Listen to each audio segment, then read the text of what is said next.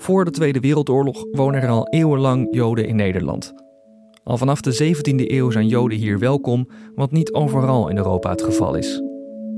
In de jaren 30, voordat de oorlog uitbreekt, vormen ze niettemin een klein deel van de Nederlandse bevolking, ongeveer 2% In Amsterdam wonen relatief meer Joden, maar ook daar vormen ze maar 10% In de tentoonstelling is een foto opgenomen uit 1933 met een heel alledaags tafereel. Nou, wat we zien op deze foto is een vol strand. Ik zie wel 30 mensen, of wel meer, die me aankijken. Aan het woord is Annemiek Kringold, conservator van het Joods Cultureel Kwartier. Het is natuurlijk in 1933, toen deze foto is genomen, niet gewoon dat er een foto wordt gemaakt. Iedereen kijkt naar de fotograaf, lachend in zijn badkleding. En het is zonnig. Het is een Nederlands strand. De foto komt uit het familiealbum van de familie Adelaar. Een familie uit Deventer, Nederlands, al generaties lang. En deze foto staat in de tentoonstelling omdat je eigenlijk ziet dat het niet uitmaakt wie je bent, of je Joods bent of niet. Dit zijn allemaal Nederlanders die op een vrije Pinksterdag genieten van het mooie weer in Scheveningen. Ook de familie Adelaar. En we weten niet eens wie ze precies zijn op deze foto. Ze gaan op in de massa van andere Nederlanders. Toen de familie Adelaar naar Scheveningen ging in 1933, was er net in het gezin een babytje geboren. Het derde kind van Rudolf van Willy, Pauline. Ik zie geen baby op de foto. Ik denk niet dat ze erop staat. En 1933 is voor hun dus een heel gelukkig jaar. Terwijl die donkere wolken samenpakken, net over de grens. Want daar, in Duitsland, is Hitler een aantal maanden eerder aan de macht gekomen.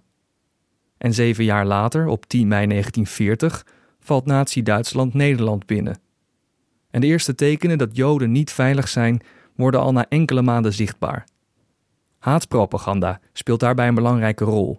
Gebruikmakend van antisemitische stereotyperingen wordt de schuld voor maatschappelijke en economische problemen bij Joden gelegd. En voor wie Joods is en wie niet, worden door de nazi's richtlijnen opgesteld. Op deze manier worden Joden geclassificeerd en in de maanden die volgen worden door de invoering van anti-Joodse maatregelen de alledaagse banden tussen Joden en niet-Joden steeds verder verbroken.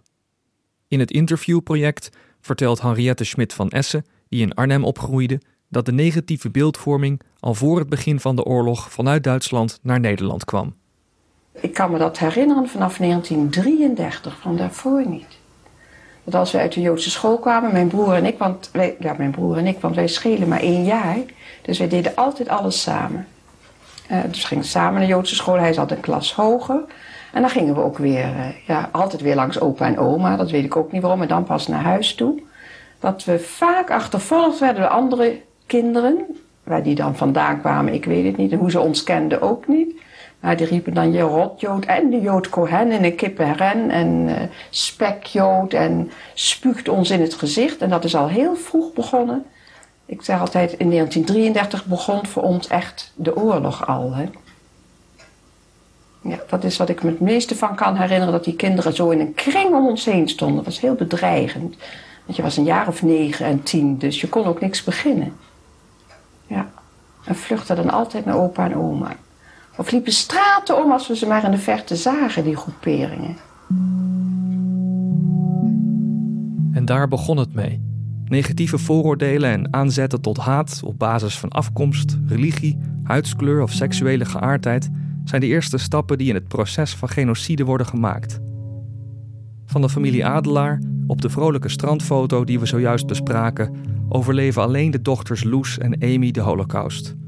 Rudolf, Willy en Paulien worden vermoord in Auschwitz.